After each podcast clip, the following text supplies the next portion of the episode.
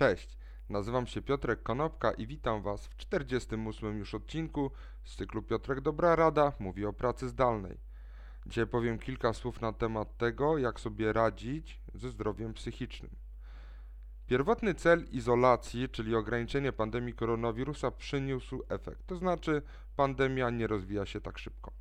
Natomiast to, że siedzimy w domach, siedzimy sami i nie wychodzimy na zewnątrz, powoduje, że erozji ulegają nasze relacje z rodziną i przyjaciółmi, czujemy mniejsze wsparcie od właśnie rodziny, rośnie rozdrażnienie, pojawiają się objawy depresyjne, pojawia się czasami nawet zespół stresu pourazowego. Tak jak pokazują niektóre badania, nawet 10 dni izolacji może przełożyć się na problemy ze zdrowiem psychicznym, trwającym nawet do, trwające nawet 3 lata i dłużej. Badania przeprowadzone przez naukowców z Uniwersytetu Warszawskiego pokazują, że 40% osób ma nasilone objawy depresyjne. Podobny odsetek, czyli 40% osób mówi, że cierpi na zespół stresu pourazowego. Zgodnie z badaniami chińskich naukowców 23% pracowników właśnie pokazuje objawy depresyjne, a 28% pokazuje objawy stresu pourazowego. Naj, najdziwniejsze czy najsmutniejsze jest to, że podwoiła się liczba Polaków, to znaczy prawie 40% młodych Polaków w wieku do 34 roku życia jest to grupa objęta ryzykiem klinicznej depresji. To jest po prostu niesamowite. 40% ludzi mówi lub ma poczucie, że ta depresja jest bardzo dużym problemem dla nich.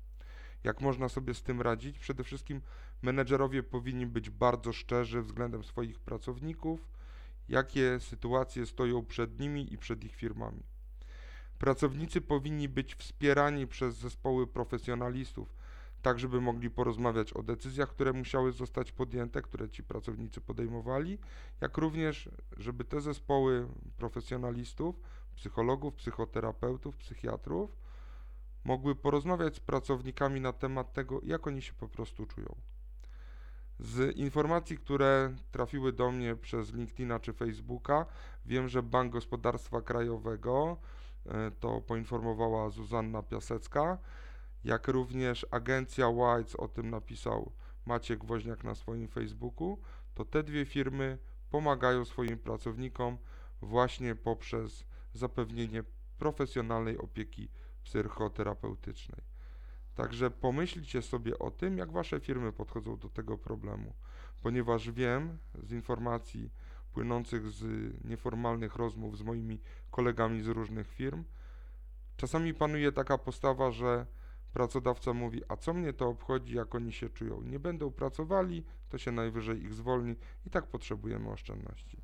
Także pomyślcie sobie o tym, jak działają Wasze firmy i czy Wy, jako menedżerowie, zapewniacie odpowiednie wsparcie swoim pracownikom lub, jeżeli jesteście pracownikami, czy poprosiliście na przykład swojego przełożonego o to, żeby Wam takiej pomocy firma udzieliła. Dziękuję serdecznie, do zobaczenia i usłyszenia jutro. Na razie.